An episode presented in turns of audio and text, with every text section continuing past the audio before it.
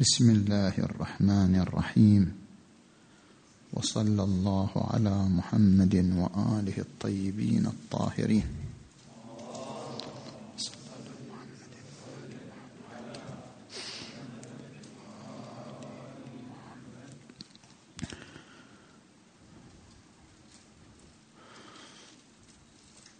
البحث حول تجرد النفس البشرية وماديتها. هل أن النفس البشرية طاقة مجردة عن المادة أم أنها ظاهرة مادية؟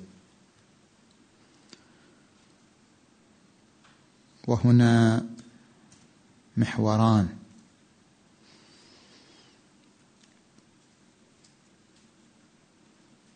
أحدهما في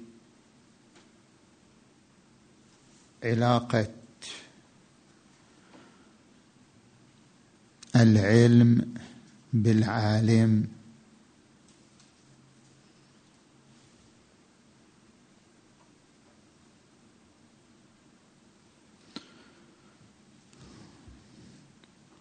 والمحور الثاني في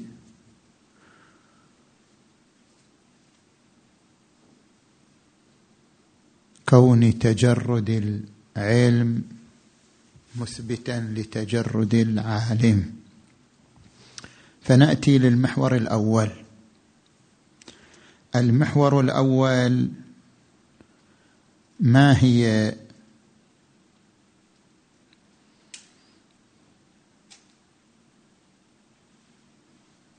العلاقة بين العلم والعالم.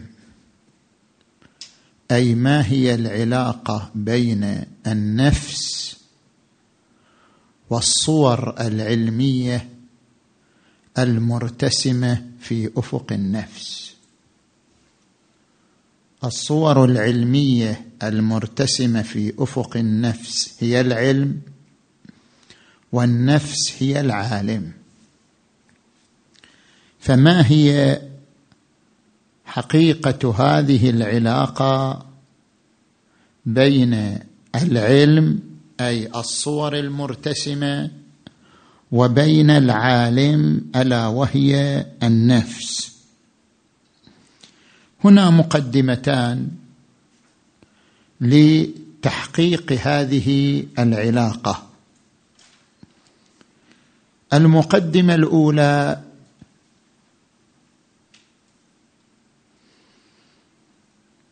في أدلة تجرد العلم.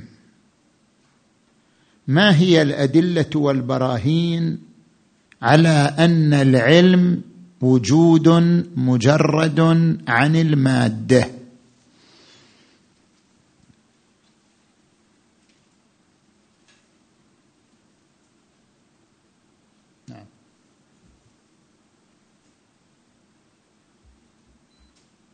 تريد تأخذ خذوه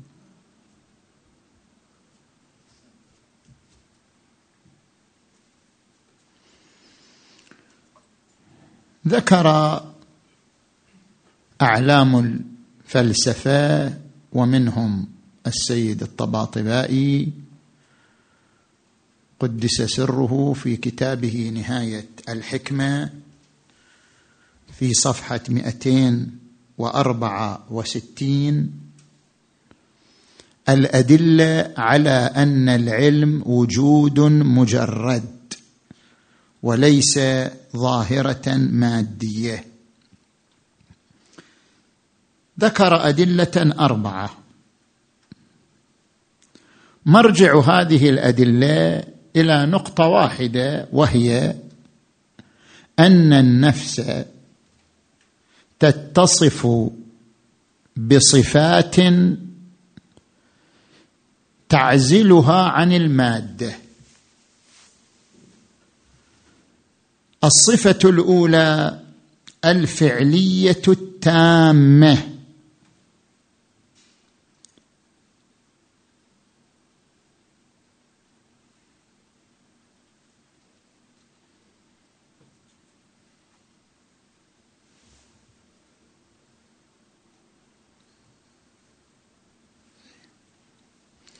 الفعلية التامة. وعبرنا عن هذا في الكتابة أو في المحاور بأنه الثبات. ماذا نقصد بالفعلية التامة؟ كل مادي يعيش الحركة. لا يوجد جزيء في عالم المادة إلا ويهو يخضع للحركة. والحركة عبارة عن الخروج من القوة إلى الفعل.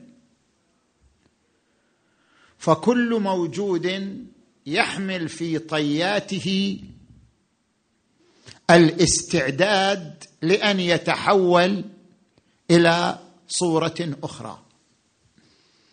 البذرة تحمل في نفسها الاستعداد لأن تتحول إلى شجرة. هذا معناه أن البذرة تعيش الحركة الخروج من القوة إلى الفعل أي الخروج من الاستعداد الكامن فيها لأن تتحول شجرة بالفعل. النطفة أيضا تعيش الحركة الاستعداد لأن تخرج من كونها نطفة إلى كونها جنينا متكاملا. كل موجود في عالم المادة يعيش قانون الحركة. يعني يعيش الاستعداد لأن يتحول من صورة إلى صورة أخرى من كيفية إلى كيفية أخرى. وهذا معنى أن المادية مزاوجة للقوة. المادية تعني أن هناك قوة واستعداد لشيء آخر.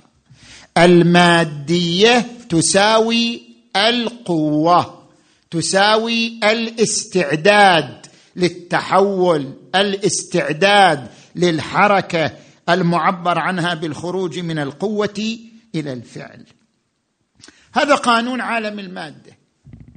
عندما نطبقه على الصور المرتسمة في أذهاننا عندي في ذهني صورة صورة لكل معلول علة صورة الكل أكبر من الجزء.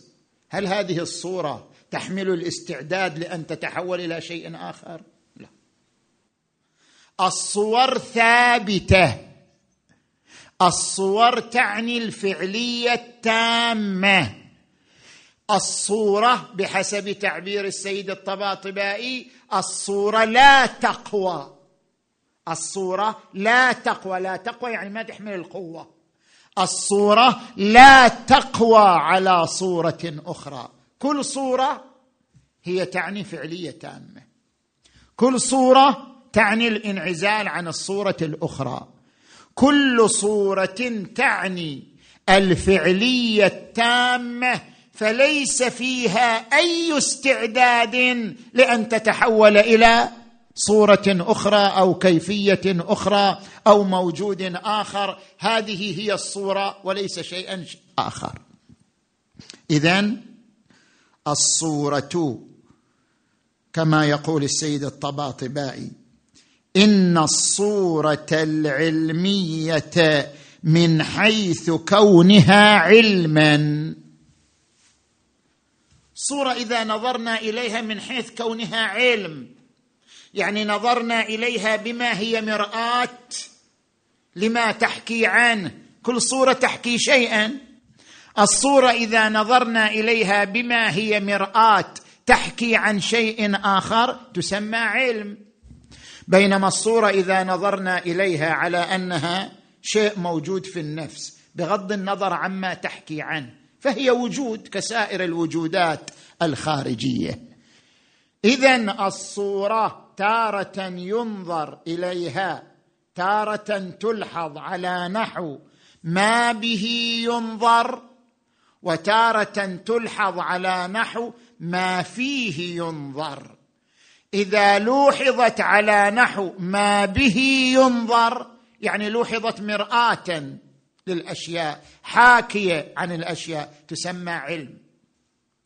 الصورة إذا لوحظت على نحو ما فيه ينظر قاعدين ننظر لها كما ننظر لأي وجود من الموجودات. هنا تعتبر الصورة وجود خارجي كسائر الموجودات. نحن نتكلم عن الصورة من حيث هي علم حاكية مرآة. الصورة من حيث هي علم. كيفما فرضت؟ صورة حسية صورة خيالية صورة عقلية. جميع الصور بأنواعها. الصورة الحسية الآن في ذهني صورة مثلا أخي. الصورة الخيالية الآن أنا أتصور مثلا جبلا من ذهب. الصورة العقلية أتصور أن النقيضين لا يجتمعان. كل الصور حسية خيالية عقلية أي صورة كانت. كيفما فرضت مجرده عن المادة عارية من القوة. يعني ما تعيش حركة من القوة إلى الفعل. هي فعل خلاص. وذلك لوضوح أنها بما هي معلومة فعلية لا قوة فيها لشيء البتة. اذا هذا هو الدليل الأول على تجرد الصورة. نجي إلى الدليل الثاني. الدليل الثاني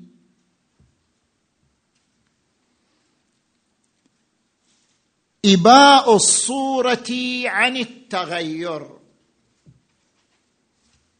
هذا غير الخروج من القوة. لا صورة تأبى التغير. كيف تأبى التغير؟ هناك فرق بين العلم بالمتغير والعلم المتغير. هل يوجد علم متغير؟ لا. لكن يوجد علم بالمتغير. هناك فرق بين العلم بالمتغير والعلم المتغير. أنا مثلا أنظر إلى حركة الماء. الماء كان بصورة جارية ثم تحول إلى صورة غليان حينما وضع على النار. ثم تحول إلى صورة بخار ثم رجع وأصبح قطرات مائية. أنا الآن علمت بالمتغير لكن هل علمي بالمتغير؟ متغير. هذا علم بالمتغير وليس علما متغير. ليش ليس علما متغيرا؟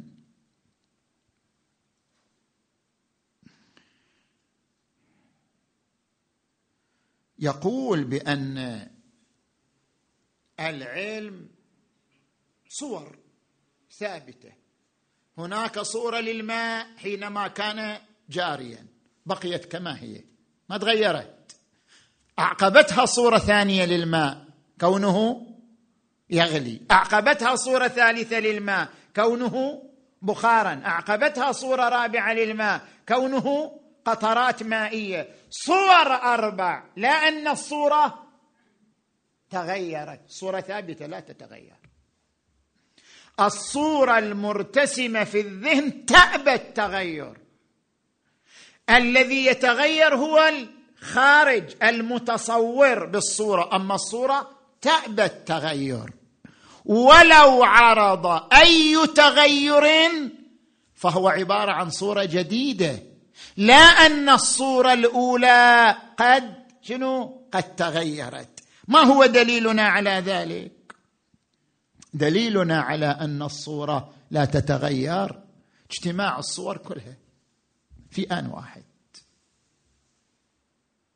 في آن واحد يحضر في ذهني صورة الماء وهو جاري صورة الماء وهو يغلي صورة الماء وهو بخار صورة الماء وهو قطرات مائية. اجتمعت الصور الأربع في ذهني وقام ذهني بالمحاكمة والمقارنة بين هذه الصور. فقلت الصورة الأولى تعني الخطوة الأولى. الصورة الثانية تعني الخطوة الثانية. قيام الذهن بالمقارنة والمحاكمة بين الصور. فرع وجود الصور. إذ لا يمكن للذهن أن يقارن ويحكم إلا بعد اجتماع جميع الأطراف لديه. لولا أن الصور جميعها حاضرة لدى الذهن لما استطاع الذهن أن يقارن بينها وأن يحكم بأن هذه خطوة أولى هذه ثانية هذه ثالثة هذه رابعة. اذا هذا دليل على أن الصورة لا تقبل التغير. الصورة تأبى التغير. الذي يتغير هو الخارج. أما الصورة لا تتغير. وأي تغيرات؟ هي عبارة عن صور جديدة تضم إلى الصورة الأولى. زين. هذا الدليل الثاني على تجرد الصور العلمية عن المادة. الدليل الثالث. عدم الانقسام. الصورة تأبى الانقسام. ما تنقسم الصورة الذهنية من حيث كونها صورة ذهنية إلى نصفين أو ثلاثة أثلاث أو أربعة أرباع. الصورة الذهنية من حيث أنها علم لا تقبل الانقسام. لا إلى التنصيف ولا إلى الأثلاث ولا إلى الأرباع. ولو كانت منطبعة في المادة لانقسمت بانقسامها. لو كانت الصورة عرض من أعراض المادة لانقسمت بانقسام عالم المادة. الآن مثلا نحن نأتي إلى القيام الجسم إلى عدة أعراض. قيام قعود القيام ما يقبل الانقسام لكن يقبل الانقسام بالقسام الجسم نفسه. القيام بما هو كيفية لا يقبل الانقسام. هذه مقولة في الفلسفة الكيفيات لا تقبل الانقسام. الذي يقبل الانقسام الكميات وليس الكيفيات. ما كان من مقولة الكم يقبل الانقسام لأنه مقدار من المقادير. أما ما كان من مقولة الكيف لا يقبل الانقسام. لكن يمكن أن يقبل الانقسام بتقسيم محله بتقسيم مكانه. القيام كيف من كيفيات الجسم. نفس القيام لا يقبل الانقسام لكن يمكن أن تقسمه بتقسيم الجسم نفسه. فهو لا يقبل الانقسام بالذات. يعني بما هو قيام لكن يقبل الانقسام بالعرض يعني بتقسيم محله ألا وهو الجسم. هل الصور كذلك؟ هل الصور تقبل الانقسام ولو بتقسيم شنو؟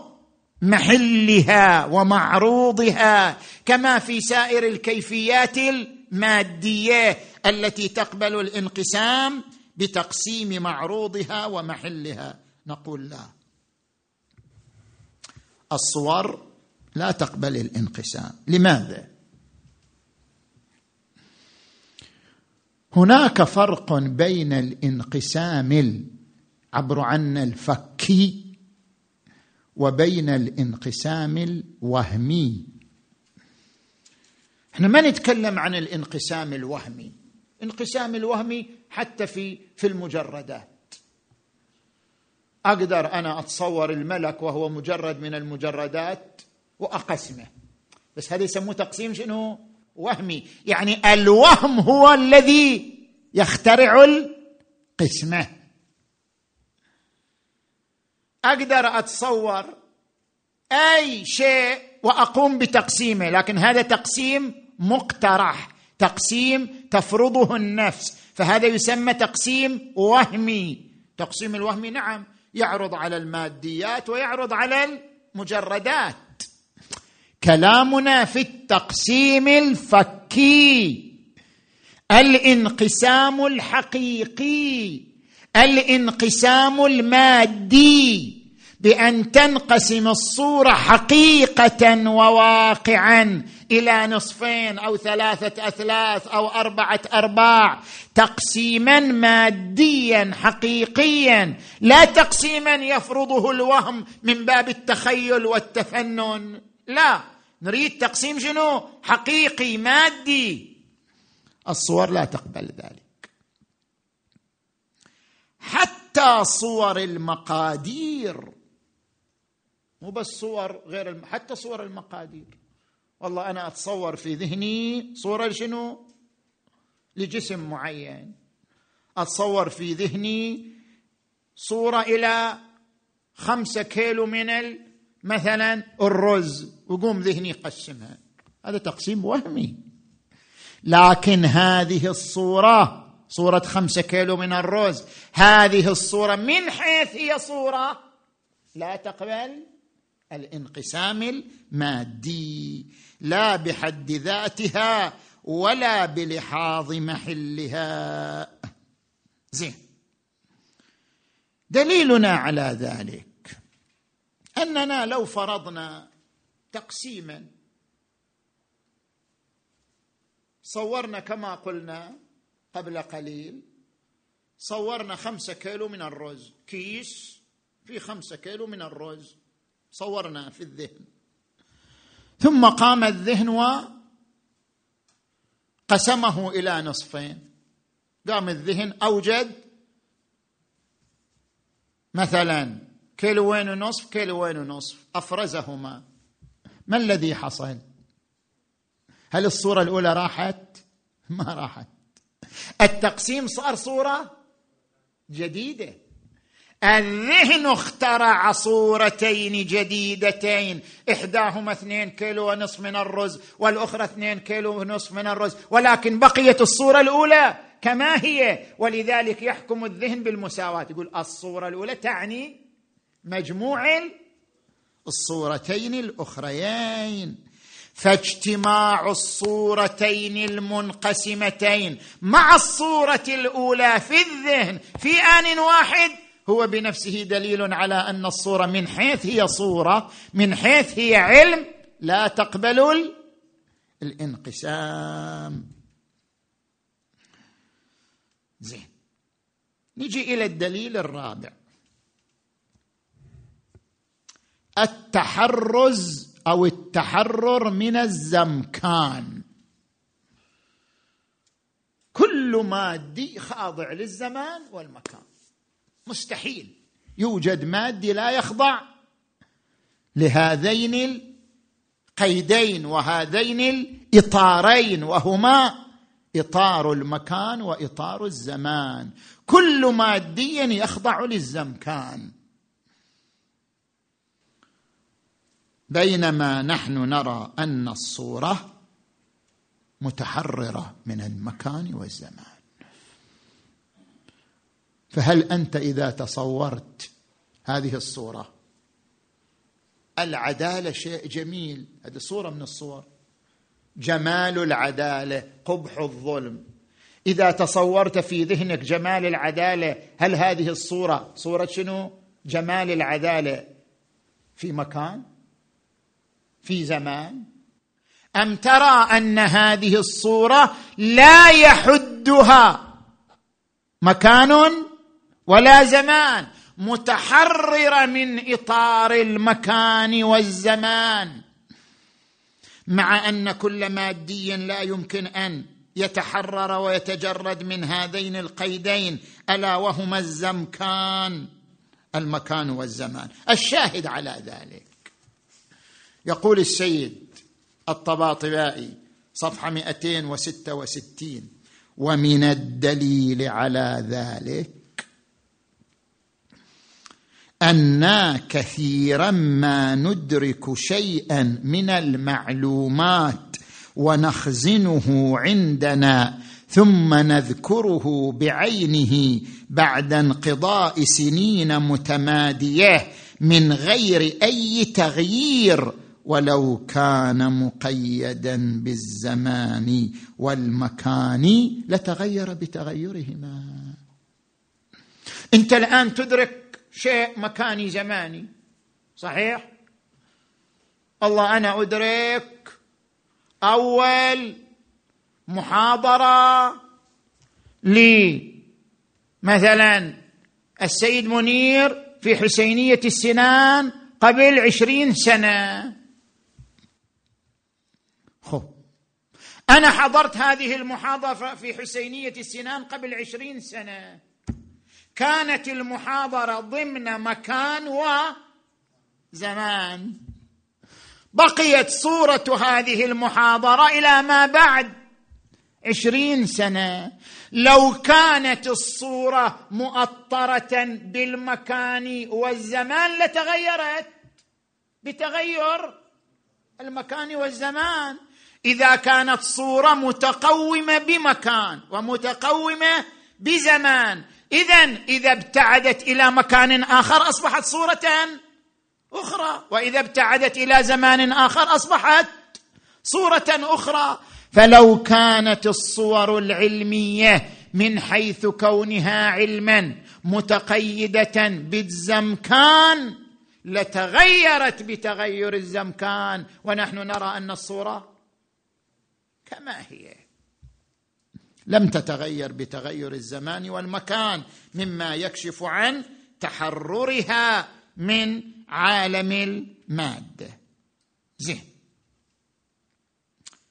بعد أن ذكرنا هذه الأدلة الأربعة على تجرد الصور العلمية وأن الصور من حيث كونها علما مجرده عن المادة ليست أمور مادية. هنا ثلاثة أسئلة نطرحها. وهذه الثلاثة الأسئلة أكيد تمر على ذهن أي إنسان. يعني يسمع بهذه الأدلة. السؤال الأول هل يتصور الانقسام قد يقال عدم انقسام الصورة العلمية بما هي علم. لا ينافي انطباعها في جزء من الدماغ وانقسامها بعرض محلها.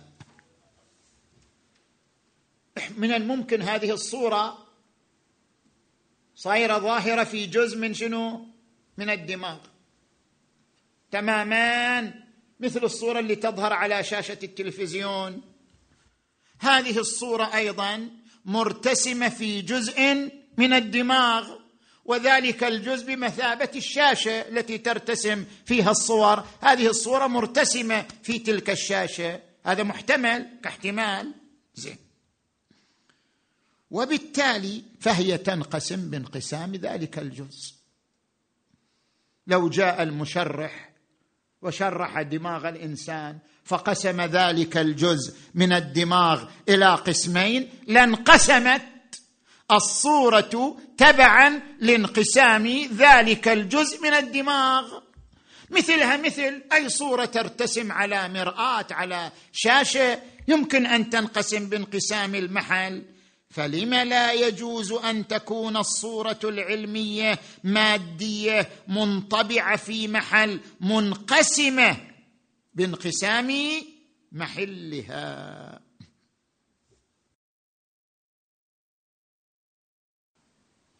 أيضا بعض الإخوة دكتور طبيب من أصدقائنا من عمان هو يتابع هذه المحاضرات كتب لي أنه ممكن أننا مثلا كطبيا من ناحية طبية ما نتدخل فيكم يا الاطباء بس يعني نجيب كلامه. من ناحية طبية يقول ممكن يقسم الدماغ وإذا انقسم يصير الإنسان شخصيتين في إنسان واحد. ولكل شخصية فكر وإيديولوجية وصور ومشاعر وتختلف عن الثاني. شخصيتان في إنسان واحد. لكل شخصية فكرها ومشاعرها وخواطرها. فلماذا تقولون لا يقبل الانقسام؟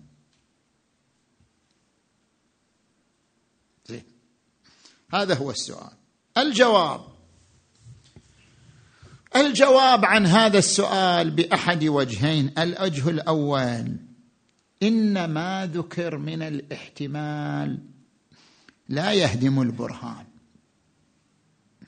لأن هذا الانقسام انقسام بالعرض وليس انقساما بالذات.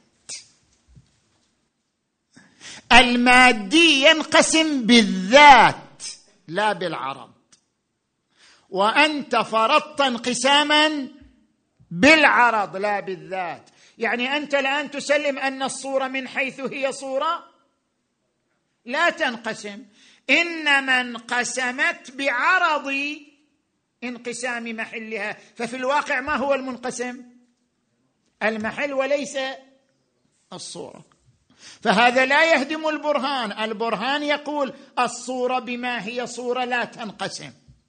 أما أنت تقول خو انقسمت بانقسام محل ذاك الانقسام وصف للمحل وليس للصورة. هذا اولا. ثانيا ما ذكره السيد الطباطبائي عليه الرحمة قال أما انقسامها بعرض انقسام المحال كجزء الدماغ مثلا فلا شك في بطلانه. ليش لا شك في بطلانه؟ يقول فإنا نحس ونتخيل صورا أعظم بكثير مما فرض لها من محل في الدماغ. فنحن نتصور أرض مثلا أو حديقة كما يقول السيد الصدر قدس سره مثلا هايد بارك مثلا. دخلت هايد بارك سبعة كيلو متر سبعة كيلو متر أنا أتصورها في صورة واحدة. هذه الصورة الواحدة هذا المكان بسعة أرجائه بتفاصيل أشجاره ووروده وزهوره ونهره. هذا المكان أتصوره. هل يعقل انطباق هذا المكان بسعته وتفاصيله في المحل الصغير؟ لا يعقل انطباع الكبير في الصغير. كل صورة تعرض على المحل فهي بإزاء ذلك المحل وحيث لا يعقل انطباع الكبير في الصغير حتى لو كان عرضا له فلأجل ذلك لا يعقل أن تكون الصورة حالة في جزء من الدماغ كي يقال إنها تنقسم شنو؟ بانقسامه. زين.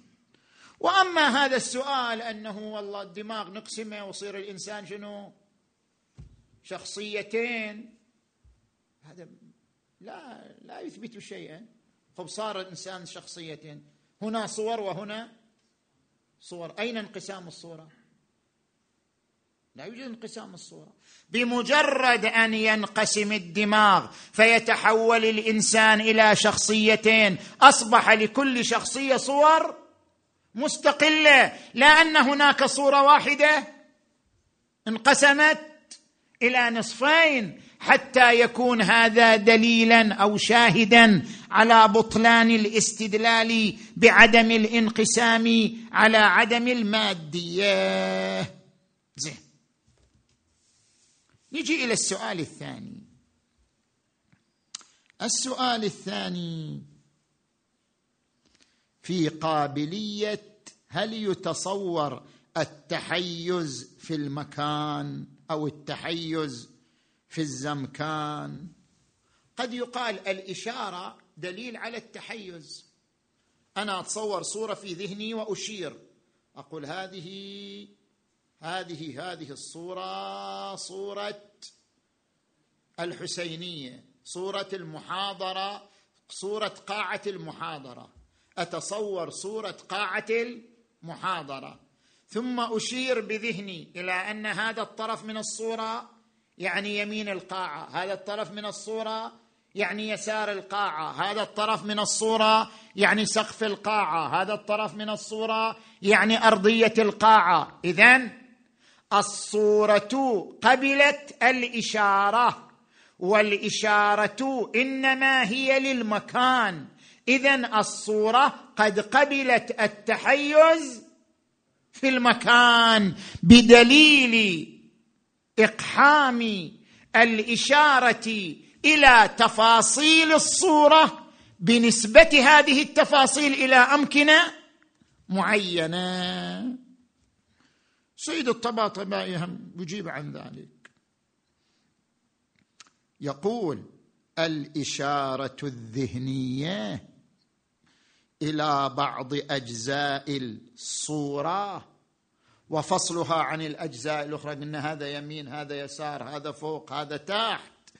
كالإشارة إلى بعض أجزاء زيد المحسوس أو المتخيل وليس من التقسيم في شيء وإنما هو إيجاد لصورتين. بمجرد أن تقول هذا يمين أوجد صورة جديدة. بمجرد أن تقول هذا يسار أوجد صورة ثالثة. فوق صورة رابعة تحت صورة خامسة. هذا من باب تكثير الصور لا من باب تقسيم الصورة الواحدة. زين نيجي إلى السؤال الثالث والأخير. قد يقال لعل الصورة تتغير ونحن لا نشعر. تون تقول الصورة؟ ما تتغير. صورة المحاضرة في حسينية السنان قبل عشرين سنة ما زالت في ذهني. أنا أقول الصورة ما تغيرت. وأقول أن هذه الصورة عين تلك الصورة تماما. كأني ما زلت قبل عشرين سنة واقف في حسينية السنان وأشاهد المحاضرة. هي هي ما تغيرت. أشعر بوجداني بالعينية بين الصورة الفعلية والصورة التي شاهدتها قبل عشرين سنة. وأشعر بوجداني عدم التغير بين الصورة هذه وما شاهدته. قد يقول قال هذا مجرد شعور. مجرد شعور. ما هو الدليل على أن الصورة لم تتغير واقعا؟ ما هو الدليل على أن هذه الصورة عين تلك الصورة؟ هذا مجرد شعور. والشعور لا يعني أنه شنو؟ دليل على ذلك. الجواب. المفروض أن علم النفس بالصورة علم حضوري. يعني ما في بينهم أي واسطة. علم النفس بالصور علم حضوري. والعلم الحضوري حضور المعلوم بنفسه لدى العالم. فهل يعقل خفاء العلم الحضوري ما أميز ما أشعر. ما يعقل. هذا خلاف كونه علما حضوريا. بما أن علم النفس بالصور علم حضوري يعني حضر المعلوم بنفسه بدون واسطة. بعد أن يحضر المعلوم بنفسه بدون واسطة لا يتصور لا يتصور الجهل وأن أعتقد شيء عن جهل. أن أعتقد شيء خلاف الواقع. إذا هذا يتصور في خلاف الواقع لا يبقى. شيء يمكن إثبات أنه الواقع. مستحيل. مستحيل. حتى لو وضعت يدك على النار. قلت والله قاعد أنا أشعر بالحرارة. والله ده شعور إيش مدرك هذه حرارة؟ صح لو لا؟ يعني لا يبقى شيء على شيء. شنو دليلك على أنها حرارة؟ ما هو دليلك على أن ما تضع يدك عليه فهو حرارة؟ لعله شعور. ما هو دليلك على أن ما تشربه الآن ماء؟ لعله مو ماء. تقول هذا يتصور فيما إذا كان بين النفس وبين الشيء الآخر؟ واسطة. أما إذا لم يكن بينهما واسطة وحضر بنفسه بحيث أصبح العلم به علما حضوريا فلا يتصور خفاء أو اشتباه. العلم الحضوري لا يخطئ.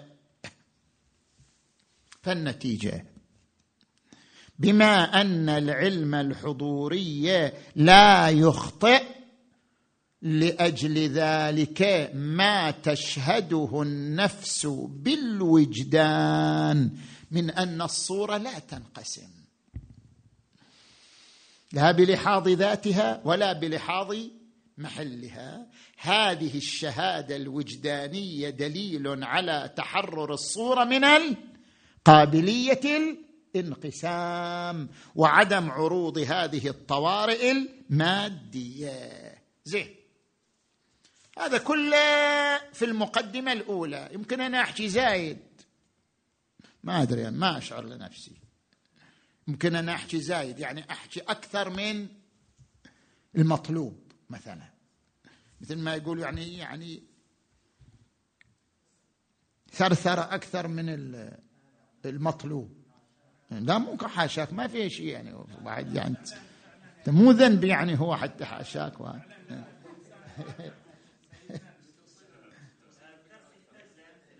إيه.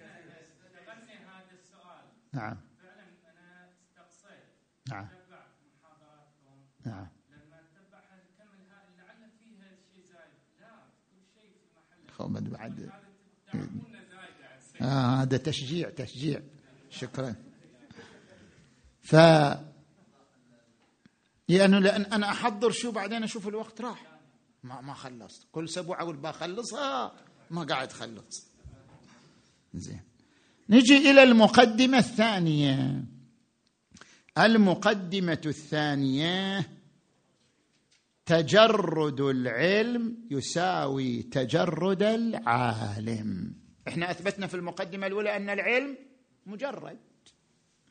الآن نجي في المقدمة الثانية هل أن تجرد العلم يعني تجرد العالم العالم هو النفس العلم هو الصور. هل أن تجرد العلم يساوي ويعني تجرد العالم؟ نعم. تجرد العلم يساوي تجرد العالم. ليش؟ هنا عناصر ثلاثة. العنصر الأول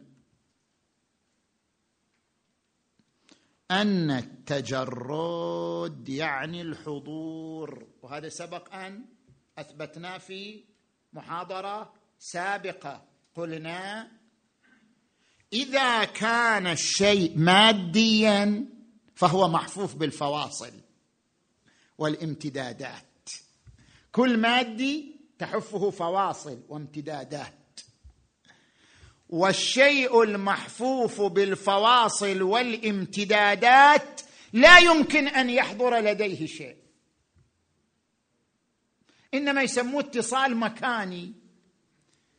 شلون مثلا أنا علاقتي بالكتاب؟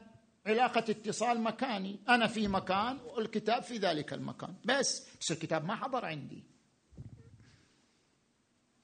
كل مادي بالنسبة للمادي الآخر لا يمكن أن يكون أحدهما حاضرا للآخر.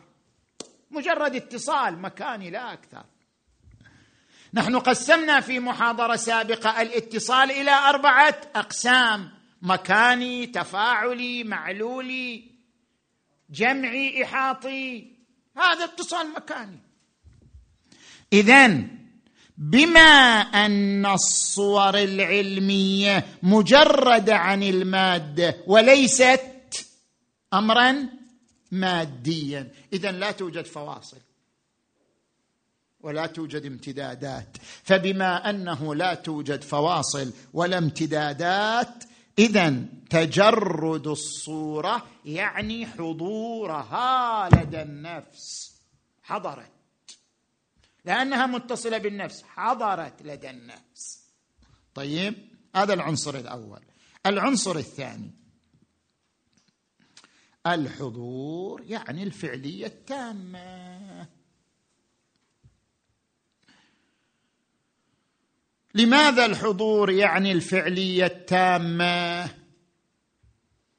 لأننا ذكرنا قبل قليل بأن كل مادي مزاوج للقوة. مستحيل يجي يوم يصير المادي فعلية تامة. دائما هو في حال حركة. بما أن المادية مزاوجة للقوة. اذا حضور المجرد مساوق للفعلية التامة.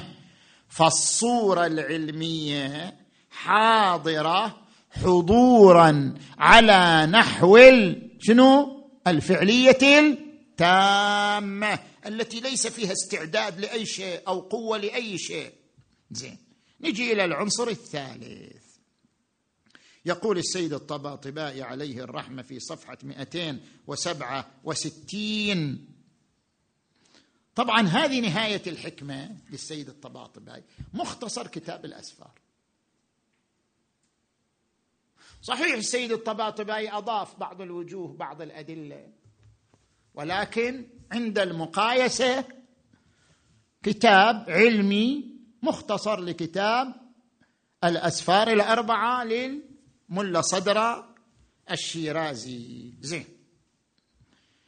العنصر الثالث يقول مقتضى حضور العلم للعالم أي مقتضى حضور الصورة التي هي فعلية تامة للنفس أن يكون العالم أيضا ذا فعلية تامة.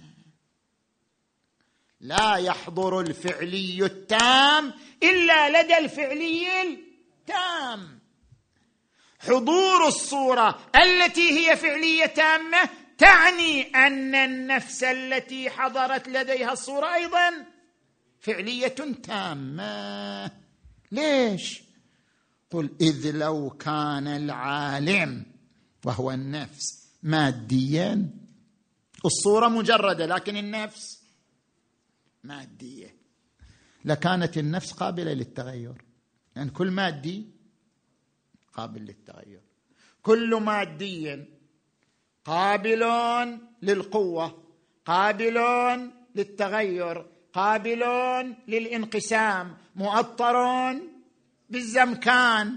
لو كانت النفس مادية لكانت مكانا للتغير والقوة والاستعداد. فإذا كانت النفس متغيرة متحركة بما هي عالم كان العلم أيضا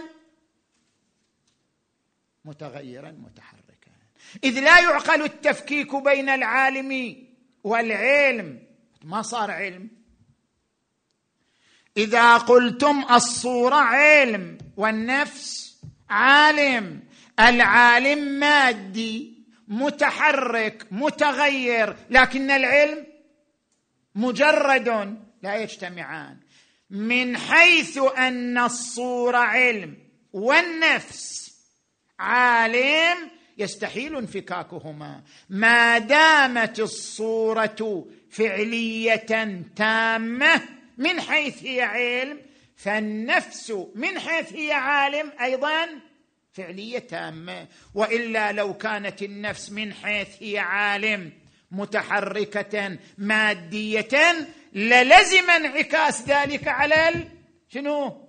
العلم نفسه. شوفوا الآن مثلا. من باب التمثيل طبعا التقريب الذهني. نجي إلى الجسم جسم الإنسان وحركته. الإنسان قائم الإنسان قاعد الإنسان متكلم الإنسان صامت. هذا الجسم هل يمكن أن يكون الجسم قائما أو قاعدا؟ من دون أن يتغير القيام والقعود. مستحيل. لا يعقل أن يكون الجسم متحرك والقيام ثابت. لا يعقل أن يكون الجسم متغيرا والقيام غير متغير. مستحيل. الجسم من حيث كونه قائم لا ينفك عن القيام. فكل صفة تعرض على الجسم. من حيث هو قائم تعرض على القيام نفسه.